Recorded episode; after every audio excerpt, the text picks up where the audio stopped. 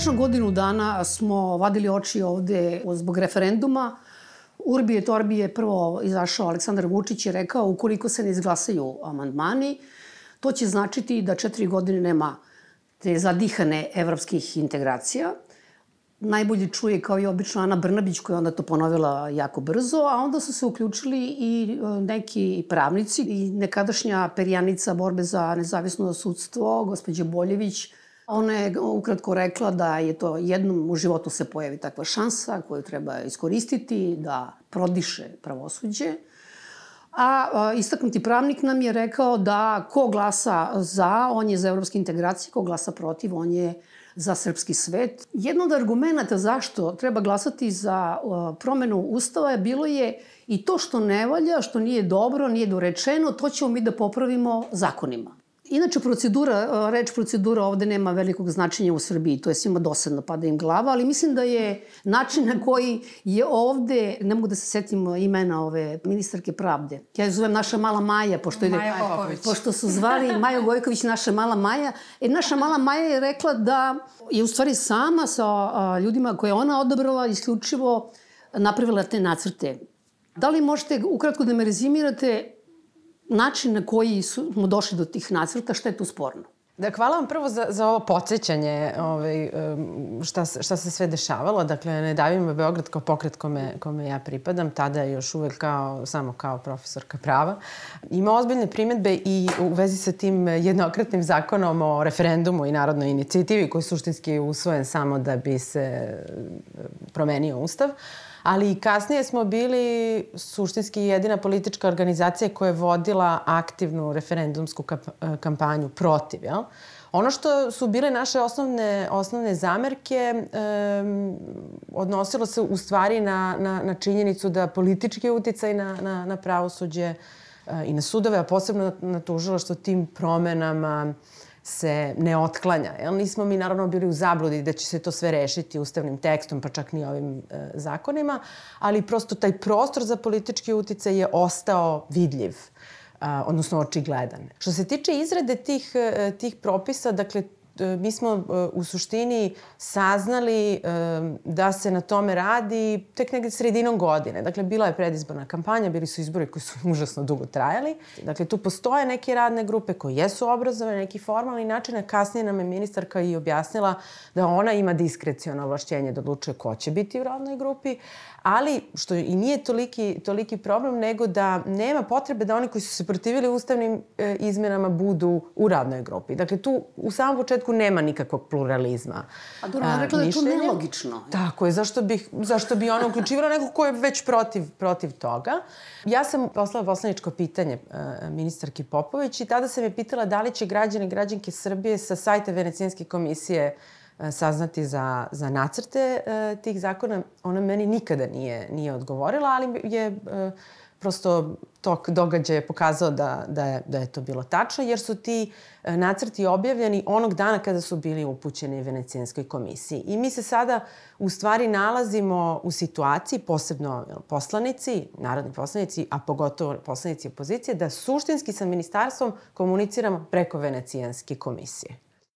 Što se tiče e, primedaba, ključno je to da ovi zakoni ostavljaju taman toliko prostora za politički utice koliko je neophodno da on za, zapravo bude, bude i, i ostvaren. Dakle, tu nije mogo da učestvuje niko. Niko od opozicijonih poslanika. Javnost je bila isključena, nevladine organizacije su bile isključene, ali vi ste tražili, čini mi se, da budete makar posmatrači, makar da čučite u ćošku neku i da slušate, on to nije dozvolila. Tako, tako, tako je, makar neka magareća klupa za nas da se obezbedi. I kada smo dobili to obrazloženje, ne mogu kritizeri, ne mogu oni koji su bili protiv uh, tu da budu, nemaju tu šta da traže. Uh, mi smo onda uh, tražili da makar budemo prisutni i Centar za pravosudne istraživanja i druge organizacije, dakle naprosto da se rotiramo i da na svakom sastanku radne grupe koja će zapravo trasirati put kako će izgledati u narednih 10, 15, 20, možda i više godina srpsko tužilaštvo i sudstvo, da stvar je toliko bitna i vi ste u nekom trenutku i sami rekli da uh, smo u januaru prošle godine ili, ili u referendumskoj kampanji čuli tu poruku, pa možda ovo nije baš tako dobro, mi ćemo to popraviti zakonima. Dakle, ako ćemo mi popravljati ustav zakonima, onda taj proces mora da bude izuzetno otvoren, izuzetno dostupan javnosti, izuzetno ozbiljan. Ne može da se radi preko leta dok je pola njih na godišnjem odmoru, ovaj, a pola njih ni ne zna šta se dešava jer informacije nisu dostupne. Ali ako vi nekome ne dozvolite da posmatra neki proces, Pa možemo to uporediti i sa izborima. Ako ne date posmatračkim misijama da budu prisutne na biračkom mestu, vi nešto muljate. Ja sam nekom od medija u jednom trenutku, ovaj, pa, mi, pa mi nisu upustili taj deo, reka da, da mi se čini da je problem u percepciji same ministarke šta znači inkluzivno i otvoreno. Ona je godinama pre nego što je preuzela ovu funkciju radila u Bezbednostnoj informativnoj agenciji. Ona je bila ovlašćeno službeno lice, ona je bila inspektorka bije. Dakle, ja mogu, sad uopšte nisam cinična, ja mogu čak da zamislim da ona istinski veruje da što je uopšte primila nekog za sto, što je uopšte ministarstvo prima te naše mailove ili ih kači na sajte, da je to uh, jedan popriličan stepen inkluzivnosti sa stanovišta uh, pozicije iz koje ona dolazi, sa stanovišta uh, njenih nekih, nekakvih intimnih uverenja, ali mi ovde sada ne pričamo o bezbednostnim stvarima, ne pričamo o obaveštenim stvarima, pričamo o e, javnim politikama, pričamo o javnom pravu, pričamo o nečemu što se tiče svih građana. Tako da mislim da bi ministarka što pre, dok nije kasno, ako ikada, treba tu svoju percepciju toga šta je javno i inkluzivno dovoljno da uskladi sa standardima civilnim, a ne bezbednostno-vojno-policijskim ja stav, razmišljam o tome kako zapravo građanima objasniti zašto je ovo važno. S druge strane, mislim da javnost nije svesna da će se to dešavati u nekom relativno skorijem periodu. Dakle, čak i u tom mišljenju Venecijanske komisije piše da će veliki broj sudija u, ne, u narednih nekoliko godina otići u penziju. Dakle, pominje se čak do 50%. Što znači da će postati ogroman potencijal da se u, u relativno kratkom vremenskom periodu izabere veliki broj sudija pod ovim okolnostima i na ovaj način na koji mi postavljamo e, Krv se menja totalno u stvari. Tako je. I s druge strane, ništa nam ne ukazuje da će se politička većina uh, baš tako preko noći promeniti. Dakle, i, i, i zbog toga ovo nije sad uh, prosto nekakva promena koja je samo za budućnost, nego je prosto nekakva sad već i neposredna, da kažemo, opasnost po, po, po nezavisnost pravosuđa S druge strane, jako je teško objasniti ovaj proces koji se sad dešava kada se izrađuju ovi zakoni zato što se u javnosti projektuje e, e, nekakva vez da je Venecijanska komisija dala pozitivno mišljenje. Dakle, nas ministarka e, pravde obmanjuje. Dakle, nas premijerka, to jest vas, građane, obmanjuje kada to kaže. Jel? Dakle, to nije nikakvo pozitivno mišljenje. Tu postoje pohvale. Uh, Um, zato što je prosto pristojno kada se neko pita za mišljenje da ne, ne kritikujete u potpunosti. Pa dobro, izvinite, ali oni kad kažu pohvala, koliko sam videla, to je dobar osnov za nešto. Tako. Pa dobro. Koncept mišljenja Venecijanske komisije, dakle tela Saveta Evrope koje svojim članicama na njihovu inicijativu, dakle to je naša inicijativa, da nama ovo telo Saveta Evrope specijalizovano za demokratiju kroz pravo, kaže da li mi nešto radimo dobro ili ne, dakle niko nas nije tu kao pušio, mi sami kažemo molim vas recite nam, treba nam vaš savet i oni daju nekak, nekakvu povratnu informaciju. Ta povratna informacija nikada nije plus ili minus, šta više, ona je više minus, jer naprosto e, bespredmetno je da vi nekom sugerišete nešto ili da komentarišete i kažete i da ga hvalite. Dakle, vama je cilj da ono što je dobro ostavite po strani i kažete to je dobro, da nećemo, pa da, dobro. nećemo se sada time baviti što je dobro, hajde da vidimo ovo što nije dobro. Vi imate Venecijansku komisiju koja kaže na samom početku, i to, to, to su ti citati koje vidimo na sajtu Ministarstva pravde, e, ovi zakoni obuhvataju sve, odnosno radni tekstovi, obuhvataju sve oblasti koje bi trebalo da obuhvate i tako da. Dakle, to su nekakve, ako to tretiramo kao pohvale, to je, evo, e, Jelena prede na fakultetu, meni se to čini ono kao e, divno što si došao na ispit. Ajde da vidimo, evo, uzmi tri pitanja, pa da vidimo, ako makar, da vidimo nešto za šest. Vi vidite, na, na, na, smo uspeli na kraju nekako da dođemo do zapisnika tih radnih grupa koji su vrlo šturi i škrti e, i nisu i dalje javno dostupni, gde na kraju svi članovi radne grupe kažu sada neka ministarstvo odabere od ovoga šta će da bude u radnom tekstu, a šta ne. I mi smo to na Peščaniku u nekom trenutku ovaj, nazvali zaista za vladu švedski sto. Znači, izvolite sa ovog švedskog stola, odaberite šta god vam odgovara. Vi, izvršna vlast, koja treba da se povuče iz, iz uticaja na tužilaštvo i sudstvo. Pa ako oni biraju šta će da bude u nacrtima zakona i šta će direktno da odu u Venecijansku komisiju, čemu i možemo da se nadamo. Građani Srbije treba što pre da se uznemire zbog toga kako će potencijalno izgledati sudstvo i tužilaštvo u Srbiji, uh, u budućnosti, a vidimo da uh, potencijal da građani budu uznemireni postoji. Imali smo ljude koji su se praktično izborili za povlačenje izmene dopuna zakona o ekspropriaciji.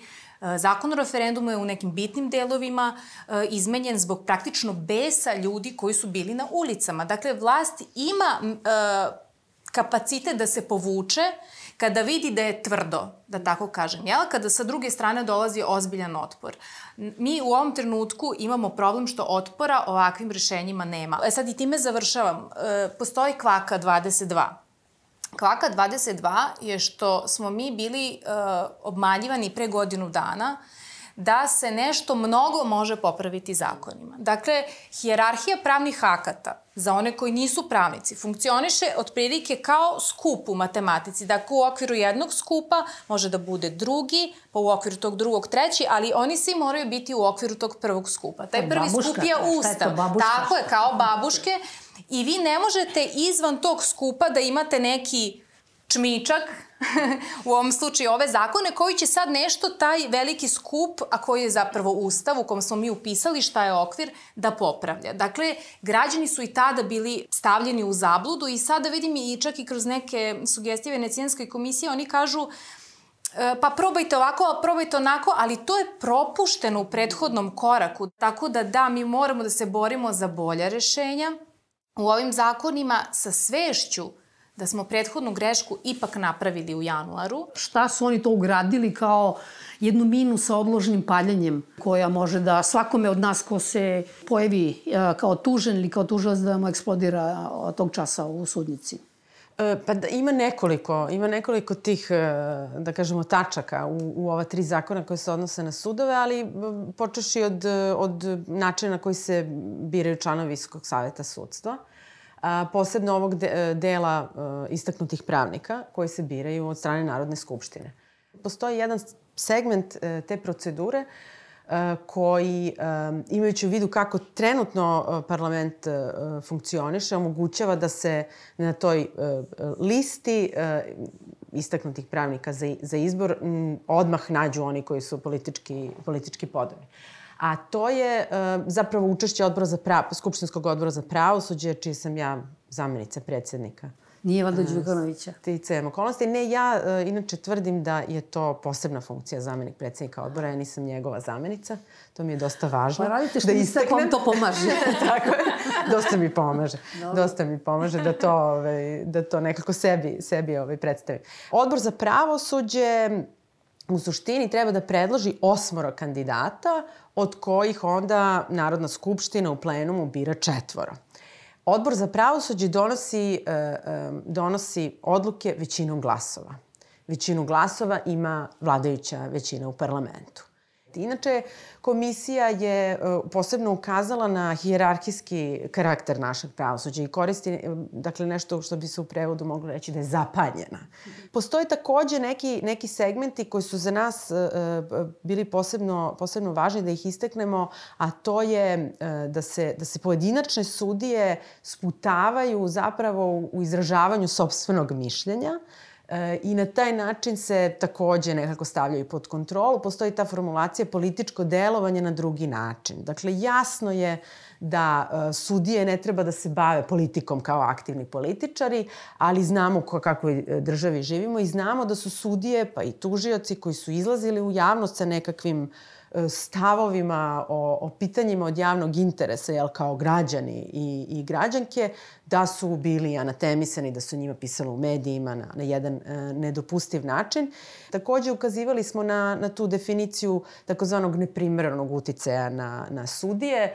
E, u tome postoji ozbiljna praksa ovaj, na, na evropskom nivou, dakle šta se smatra uticajem, uticajem na sudije, da to nije bilo kakvo komentarisanje bilo kog sudskog postupka, posebno ne stručni, stručni e, komentari ili opšte komentari koji su takođe doprinose na neki način takođe javnom interesu, ali to je absurdno s obzirom na to da mi živimo u, u, u državi u kojoj postoje već napisane analize o tome koliko je predsednik države puta imao izjave koje predstavljaju direktan uticaj, uticaj na pravosuđe. Trebalo bi da imate zakonske norme koje eliminišu mogućnosti za takav uticaj, ali kod nas taj uticaj postoji i van tih zakonskih odredba, zato što prosto imamo uh, imamo barem jednog nosioca funkcije koji uopšte ne mari, niti za ustav, niti za bilo koje zakone. Dakle, zato što on može da ostvari utice na, na, bilo, na bilo koji način.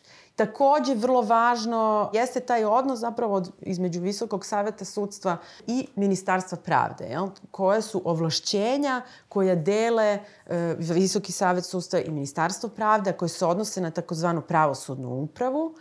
Tiču se recimo načina na koji se donosi sudski, sudski poslovnik. Sada je to u određenoj meri um, izmenjeno, ali opet Visoki savet sudstva ne radi to sam, nego zajedno sa ministarstvom.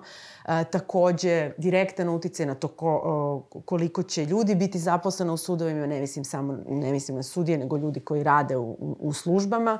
E, zbog toga što ministarstvo ima presudan utice na sistematizacije radnih mesta, na upravljanje informacijalnim sistemom sudova i mnoge stvari koje izgledaju tehničke, ali suštinski predstavljaju nepotrebno, a pa ako hoćete i nedozvoljeno mešanje izvršne vlasti u način na koji funkcionišu su, e, sudovi. Dakle, nije neophodno da vi sam, sad neposredno pretite nekom, nekom sudi ili da ga na neki način, drugi način pridobijete. Postoje načini u, u sferi refinanciranja hoćete i administriranje gde se, gde se taj uticaj, uticaj može vršiti i naravno preko predsednika sudova. Dakle, to vi ne morate prosto uticati neposredno na svakog e, sudiju, s obzirom da je predsednici sudova Pošaljete takođe... Pošaljete poruku i onda svi shvate. Tako, tako je.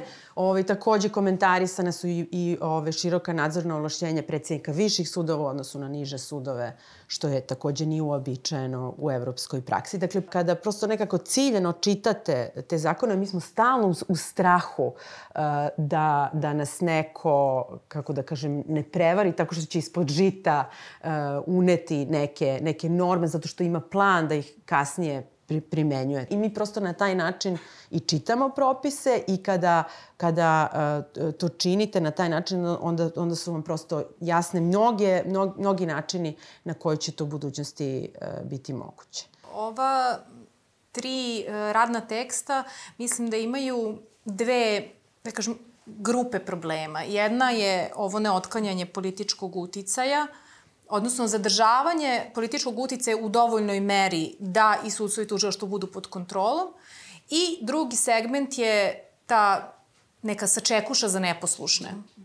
Ajde, ajde tako da kažemo. E sad, u ovom prvom segmentu, zaista istaknuti pravnici su taj nekakav čip bez koga se sada um, više ništa u Visokom savetu sudstva, koji će u buduće birati sve sudije, i koji će odlučivati i o njihovom napredovanju, i o disciplinskoj odgovornosti, i o raznim drugim bitnim e, statusnim pitanjima, e, imamo sedam sudija, dakle većinu sudija i četiri istaknuta pravnika. Ali, sednica Visokog saveta sudstva neće moći da bude održana, kao što je Jelena rekla, bez osam članova, odnosno bez prisustva e, istaknutog pravnika. Što znači da mi više nemamo vladajuću većinu koja će u plenumu procenjivati sudije, Eh, da li su ovakvi ili onakvi, razlačiti ih, svašta, svašta se događalo, neke, neke sudije nisu bile eh, izabrane tako, jer je rečeno da nisu prošli bezbednostnu proveru, što uopšte nije ovaj, kriterijum za izbor i niti, niti je deo procedure za izbor. Eh, dakle, sve ono što smo viđali u Narodnoj skupštini sada ćemo moći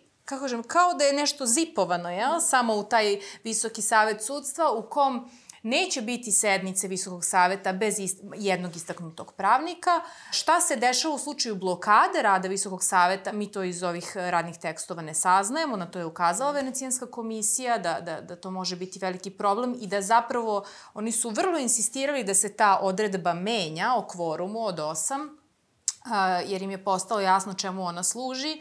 Međutim, u revidiranom ovom tekstu vidimo, da, dakle, ministarstvo ne želi od toga da odstupi. Dakle, to je jedan, znači, jedan taster za kontrolu umesto većine u Narodnoj skupštini. Što se tiče nekih, dosta toga Jelena već pomenula, Venecijanska komisija praktično bila zapanjena idejom da predsjednici sudova čak mnogo više u odnosu na važići zakon e, imaju ovašćenja u kontroli rada, ne samo tehničkoj kontroli, tehničko-operativnoj kontroli rada sobstvenog suda, već i um, u konkretnim predmetima, da mogu da traže podatke o konkretnim predmetima od svojih sudija i tako dalje, pa ne čak e, samo od svojih sudija, nego od sudija nižih sudova.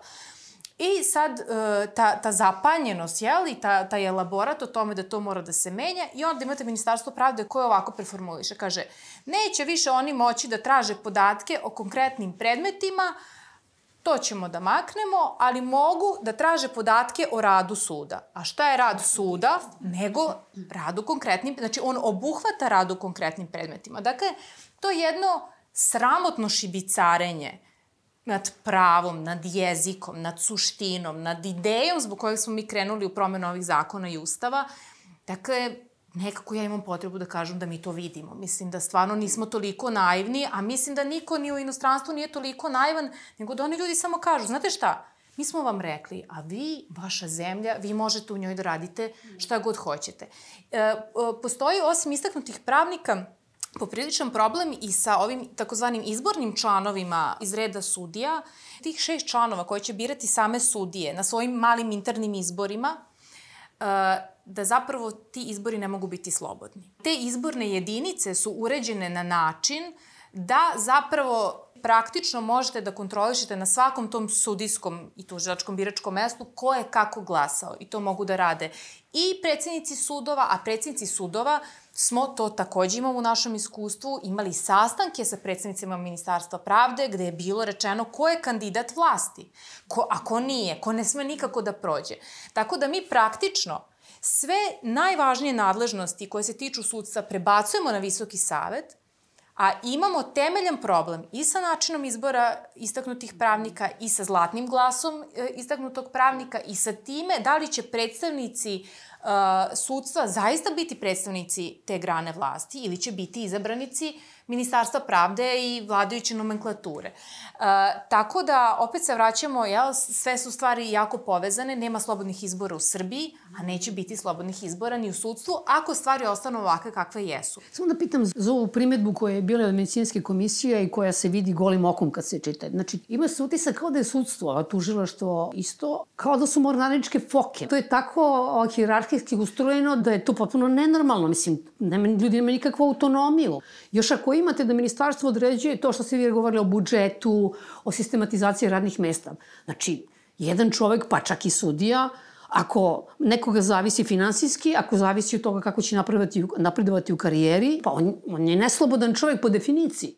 E, tu dolazimo do sačekuše. Apsolutno, da, da. Potpuno je, ne, mislim, neslobodan je čovek i ja to vidim na, na, na fakultetu. Dakle, nije više toliko privlačan posao biti, biti sudija iz raznih razloga. Mislim, pretpostavlja se da će biti svakako neposlušnih, kao što ih je u, u prošlosti bilo, e onda ćemo ih sačekati tako što oni prosto ne mogu da imaju nikakvu, da deluju politički na drugi način. Na političko delovanje će vratno biti neko gostovanje na televiziji, neka izjava za medije, neki autorski tekst, Jel? Dakle, bilo kakvo izražavanje mišljenja. Šta više, kad je tužila što u pitanju, tu nam se objašnjava da to, to prosto tako mora. Ja, to je Jelena kao da imaju nekoliko linije odbrane. Prva linija odbrane je ovo, a onda druga Jest, linija odbrane ako ne je uspe, ako... tako je. Da, da. I sad, i ti istaknuti pravnici, oni se predstavljaju kao nekakvi ljudi uh, koji samim tim što su istaknuti, da su to ljudi od, od integriteta, jel, verovatno se zamišlja da su to neki profesori ili neki uh, učeni ljudi a, koji kad se postavljaju kriterijumi za njihov izbor i za članove Visokog savjeta sudstva, da nikad nisu čini, e, vršili neprimeren uticaj na rad sudija, e, da nisu u javnosti zastupali stav koji ugrožava nezavisnost sudstva, što opet u našim okolnostima može biti bilo šta, ali to će ili biti neko potpuno anoniman, dakle koji nikad ništa nije ni rekao, jel? pa onda nije ni mogo da vrši neprimeren uticaj na, na, na rad sudija, ili će s druge strane imati neku, neku drugu istaknutost. Čini mi se da, da mi više nemamo autoritete u zemlji, toliko ljudi koji, koji se bave ovom materijom, ali kao da javnost, kao da građani, kao da mediji, ni u koga ovde više nemaju poverenja i onda zapravo mi jedino pričamo o toj venecijanskoj komisiji, iako je toliko toga napisano i rečeno na ovu temu i od strane domaćih stručnjaka i od strane domaćih pravnika, A to urušavanje poverenja, na njemu se takođe e, vrlo temeljno radilo i to se gradilo. U, u nekim slučajevima je taj manjak poverenja i opravdan iz svih razloga koje smo ovde, ovde već naveli, zato što se vlast toliko trudi da korumpira, ne, ne direktno, ne mislim novčano, evo ti 300 evra da rešiš ovaj predmet na ovaj način. Dakle, e, govorimo o drugim e, sistemskim vrstama korupcije. Dakle, bit ćeš izabran u viši sud brzo, bezbolno. Da ne pričamo o, o, o komforu, o dodacima na platu, ako imaš više predmete. Znači, tu se, to je sada uh, jako mnogo mehanizama kojima jedan prosječan sudija, a naročito tužilac, može da bude predmet podmićivanja od strane vlasti. Mi imamo konstantan neprimeren uticaj, dakle kad je predsednik probio taj led i pravosuđe se na najgori mogući način zlopotrebljava tako što kada vi kažete da je neko, ne znam, činio nezakonitosti, da je on, jel pa, ako kažete čak i da je kriminalac u, u nekakvom žaru političkog govora, onda vam se kaže gde je presuda? Da, da. Nije osuđen. Tako da, ta vrsta, kako da kažem, uticaja, ona nije e, e, neposredna samo u, u nekom konkretnom slučaju gde će neko sad da izađe, a predsjednik je u stanju da izađe i da kaže ime sudije i ime stranaka u postupku i ko je šta rekao i da on ima i snimak i tako dalje. Dakle, ovaj, to je zaista onako naj, najviši nivo, nego prosto i, i da to radi i, i, i drugi funkcioneri, da se to radi u, u, na, na, na bilo kom nivou, a da se na taj način šalje poruka, jel? Da, da čak u tim situacijama onda ni ne treba da reaguju. Onda i treba da ostanu, ostanu ovaj, e, tihi. Ono što mislim, ne davimo Beograd radi već godinama jeste da konstantno pitamo tužiroštvo šta je sa Sava Malom. Dakle, nama je to jako važno zato što nekako mislimo, ja lično mislim da kad je to prošlo, onda prosto može sve i da je to bila nekakva pokazna, pokazna vežba. Šta je sve moguće uraditi u ovom, u ovom sistemu i e, obraćali smo se tužilaštvu nebrojeno puta. Mi smo, evo, recimo, pre dve nedelje možda dobili još jednom odgovor da traje predistražni postupak i da su oni tražili obaveštenja od MUPA, ali da nisu dobri. Ali su se ja? paralelno izjasnili da neće ovo što je Bellivuk rekao na suđenju, da neće. Tako je, pa da, pošto je da, kriminalac. Da, oni da, za... prosto, ali nekako pre nego što se oni i oglase i kad vam se, im se zvanično obratite, dakle, vi to čujete negde u medijima. Neko to kaže negde, na jutarnjem programu Pinka, Happy i tako dalje. Pa prosto samo to dobijete nekako drugim uh, jezikom. Dakle, hoću da kažem da taj neprimeren uticaj, on postoji, on je nekako sistemski, on je sad već, on, postoje nekakve, da kažemo, interne procedure za to i on ne može da se, da se otkloni time što je uneta jedna rečenica, jer je to stajalo u, u nekakvim komentarima. Dok se ne budu vodili nekakvi pravni postupci za, za neprimeren uticaj, za, dakle, za, pra, zaista neprimeren uticaj, mislim da, da, da, da se od toga neće, neće odustati da bi se vodili pravni postupci, jel, to je sad ono, šta je starije kokoška ili jaje, moralo bi, moralo bi da postoji neko ko, ko ima hrabrosti da, da tako nešto pokrene u ovoj situaciji ili prosto da sistem zaista počne da se reformiše. To mi je, evo, čak sam i očnampala, to mi je omiljena odredba iz ovih, ovaj, uh, ova, ova tri um, radna teksta gde se ni reču ne pominju zakonodavna izvršna vlast, jer je to suština ideje o neprimerenom uticaju. Dakle, neprimereni uticaj je onaj koji vrše zakonodavna izvršna vlast, a potencijalno primereni može biti onaj koji vrši stručna javnost, koju vrše mediji, dakle, upozoravaju sudovi tužilaštvo da treba da rade svoj posao, pitaju šta je sa Savom Malom. Dakle, to, je, to jeste jedna vrsta pritiska, ali to je legitiman pritisak da radite svoj posao, a ne da vas ja pritiskam da vi odlučite ovako ili onako. Ja nemam tu moć, niti Jelena ima tu moć, ali zakonodavna izvršna vlast kroz svoje mehanizme i tekako tu moć imaju. I sad mi imamo odredbu o zabrani neprimjerenog uticaja, koja ni jednom rečju ne pominje zakonodavnu izvršnu vlast, nego kaže za, e, zabranjeni su različiti utice, svaki oblik pretnje, prinu i tako dalje. Pa sad kaže, korišćenje javnog položaja, medija i javnog istupanja, dakle to se odnosi na sve nas podjednako kojim se utiče na tok i ishod sudskog postupka. I onda Venecijanska komisija kaže, molim vas, molim vas, ne možete to ovako, pa vi ćete onda svima zabraniti da govore javno o pravosuđu u strahu od toga da na taj način vrše uh, uticak na tok, na tok postupka. I sad, moj još omiljeniji primer, kako su oni rešili da ovaj problem reše. Znači, to se ne menja, taj prvi stav, I onda dodaju, pod neprimerenim uticajem ne može se smatrati korišćen zakonom propisanih prava učesnika u sudskom postupku. Znate, dakle, zamislite, možete i dalje da se branite potpuno slobodno u sudskom postupku, da vaš advokat daje izjave medijima, potpuna fantazija. Izveštavanje, znači dozvoljeno izveštavanje o radu suda u skladu sa propisima koji urađuje javno informisanje, takođe potpuna je revolucija da možete da izveštavate sa suđenja, kao ni stručno, sad ključ, tuš, kao ni stručno analiziranje pravnosnažno okončanih sudskih postupaka i pravnosnažnih sudskih odluka. Što znači da ja, ako rešim za peščanik da napišem tekst o nekom postupku koji nije pravnosnažno okončan, I možda će neko proceniti da ja nisam dovoljno stručno to analizirala, dakle moram da ispunim oba uslova i da bude stručno i da bude analiziranje i da bude pravnosnažno okončano, ja ću potencijalno vršiti uh, neprimeren uticaj na sud.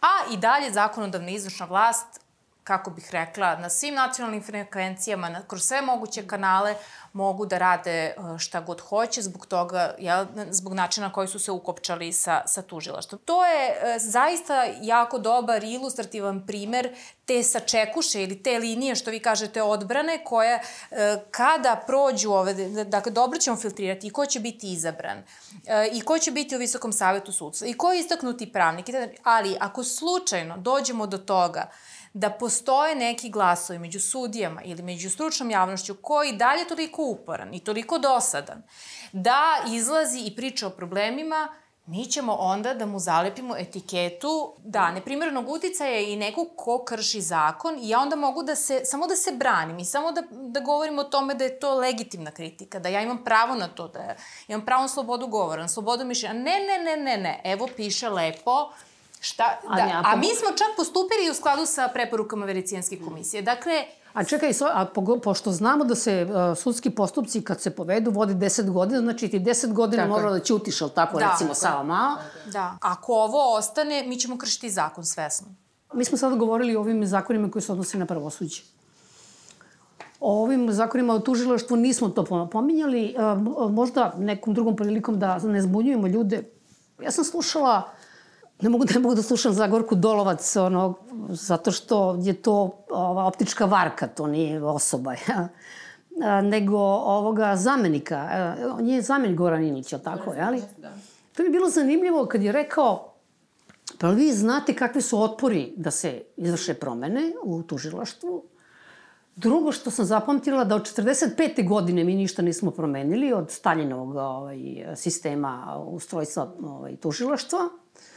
I treće, da nema nezavisnih institucija, pa ni nezavisnog tužilaštva ukoliko građani ne reaguju. Mislim, nisam videla nigde da je pomenuo svoju šeficu ili da je pomenuo vlast. Ovde imamo problem što 3000 sudija, što 800 tužilaca, zato što mi na prste jedne ruke možemo da izaberemo ljude, odnosno da prepoznamo koji su stanju da izađu da kažu ovo ljudi ne ide ovako više. I sada nas neko poziva građane da mi izvršimo pritisak da se to promeni, jeli? Pa zato što je tu, tu još dodatno absurdno što je gospodin Ilić bio u ovoj takozvanoj tužilačkoj radnoj grupi ministarstva, čak tvrdi da su mnoge sugestije udruženja tužilaca i zamenika javnih tužilaca prihvaćene. Međutim, i društvo sudija i udruženje tužilaca su se na kraju na neki način ogradili od ovih radnih tekstova svojim komentarima. Dakle, vi imate e, članove radne grupe koji su na kraju pisali svoje komentare na tekst koji su oni navodno zajedno izradili.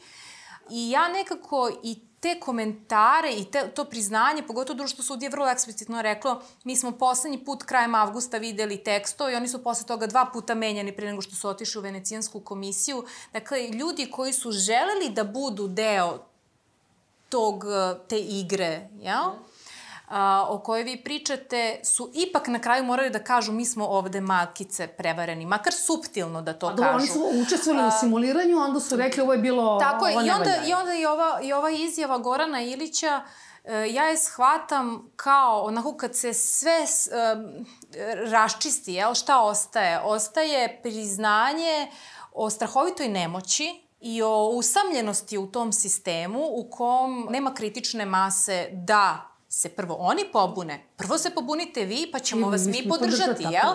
I tako dalje. Ali ne možemo mi da se bunimo, a oni da ćute, da kažu ovo u stvari nije toliko loše. Mi se sad nećemo zvati zamenici javnih tužilaca, nego ćemo se zvati uh, tužioci. I to je tako sjajno. A to što će i dalje postojati obaveznu pucu, to je što će i dalje više tužilac moći, moći da uzme predmet nižem tužiocu ili da postupi u tom predmetu umesto njega. Dakle, svi sistemi uh, hijerarhijskog ustrojstva tužilaštva opstaju, menjaju se neke kakve titule i funkcije i mi te tužioce kao da, da, da nisu razumni ubeđujemo da je to nekakav strašan napredak.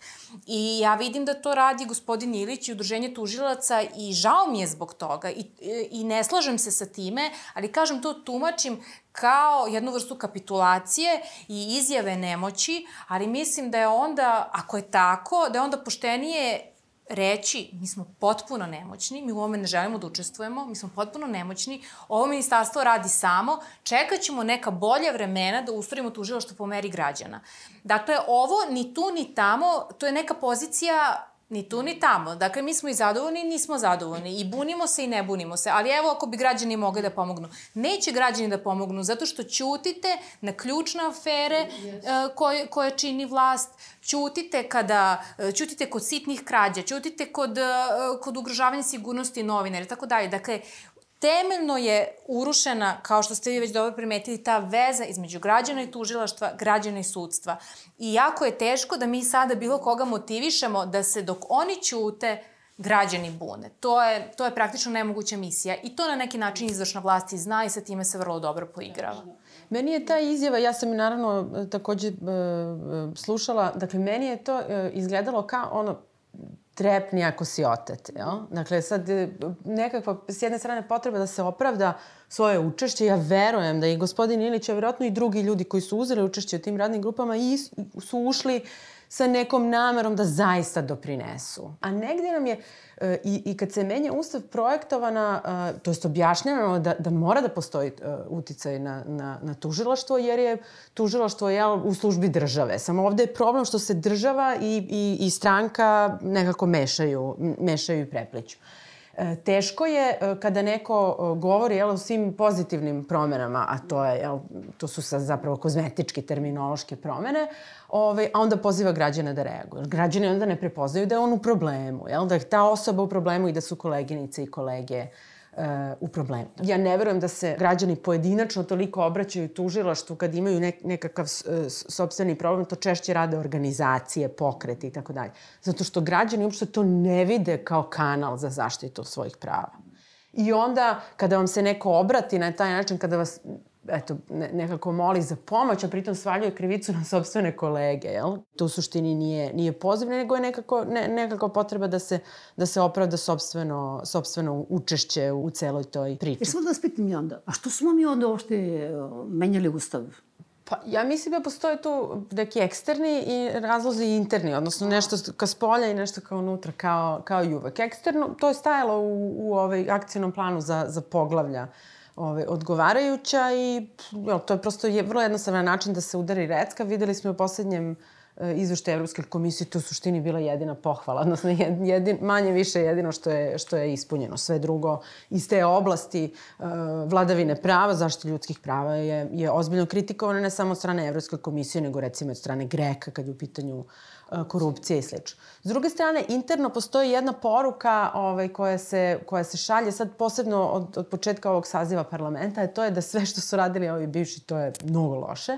I ako niste znali, mi smo do 2012. smo živjeli u pećinama, nismo ni imali ni puteve, verovatno ne automobile. I struju, ove, ovaj, i struju. Krave su davale manje mleka, sve je bilo grozno. Onda se prosto šalje ta poruka da, evo, vi ste isto hteli da reformišete pravosuđe, ali vi ste toko ljudi ostavili na ulici, to se naravno dramatizuje do, do, do krajnjih e, granica, a mi ćemo evo ovo da odradimo super i stručno i profesionalno i demokratski. Ja?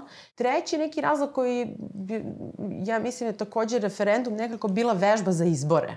Ove, ovaj, to, i, I način na koji recimo usvojen zakon o referendumu i ustavne izmene, to je bila pokazna vežba kako posle da se svi izborni zakoni promene i da se ove, ovaj, u roku sedam dana raspišu izbori, jel? što je opet nekako mnogo važnije, jer ova vlast mora stalno da bude u izbornoj, izbornoj kampanji i tako se prosto i, i nameštaju ti, ti izborni, izborni ciklusi. Tako da mislim da, da ovaj, eto, ja vidim recimo ta tri uh, razloga. Možda ima još neki. Da.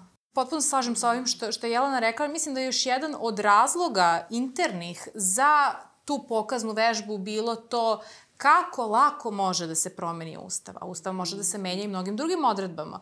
O tome, jako je lako promenjen Ustav, dakle cenzus ne postoji, to znamo. On je još 2006. godine ukinut, donošenjem u iz 2006. godine.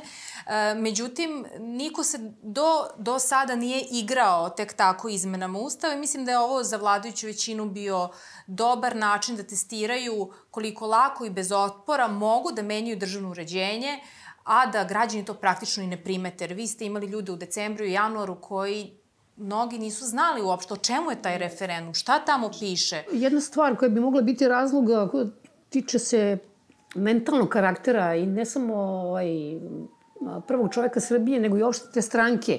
A to je da stalno drmate taj čamac, jer, i, da, i da se svi osjećaju nesigurno. I da svi zavise. Svi smo mi, naše životi, mi smo u vede stanju. Možda, možda bude sudija, možda i ne bude sudija. Možda ovako bude, možda onako. To je taj mehanizam, ta uzica pod kojim stalno držiš sve koji su ti bitni u stalnom stanju neizvesnosti. To je vrlo koristan mehanizam koji su oni usvojili zapravo.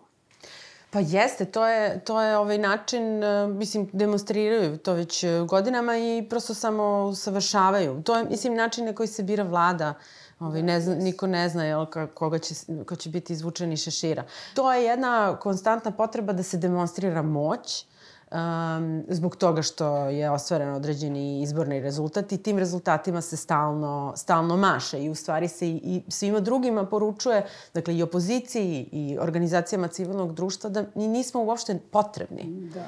Dakle, Ako ne bude i dozvoljeno nešto da kažemo, na početku je jasno da toga neće biti, jel? Dakle, da neće, da neće biti e, uvaženo. Ovo što ste rekli što se tiče vladavine strahom zapravo i tom neizvesnošću, to je abeceda diktature. I da se vratimo jel, na, na ovu temu i na i mišljenje medicinske komisije i tu uh, uh, vojnu strukturu sudstva i tužilaštva, medicinska komisija i kaže mi prepoznajemo strahoviti hijerarhijski, hijerarhijski duh u ovim odredbama vi morate da menjate političku kulturu. Drugim rečima, vi, vi morate da menjate sebe. Džabe vam ustav, džabe vam zakoni. Vi morate da menjate sebe, vi morate da odlučite da vam nije dobro.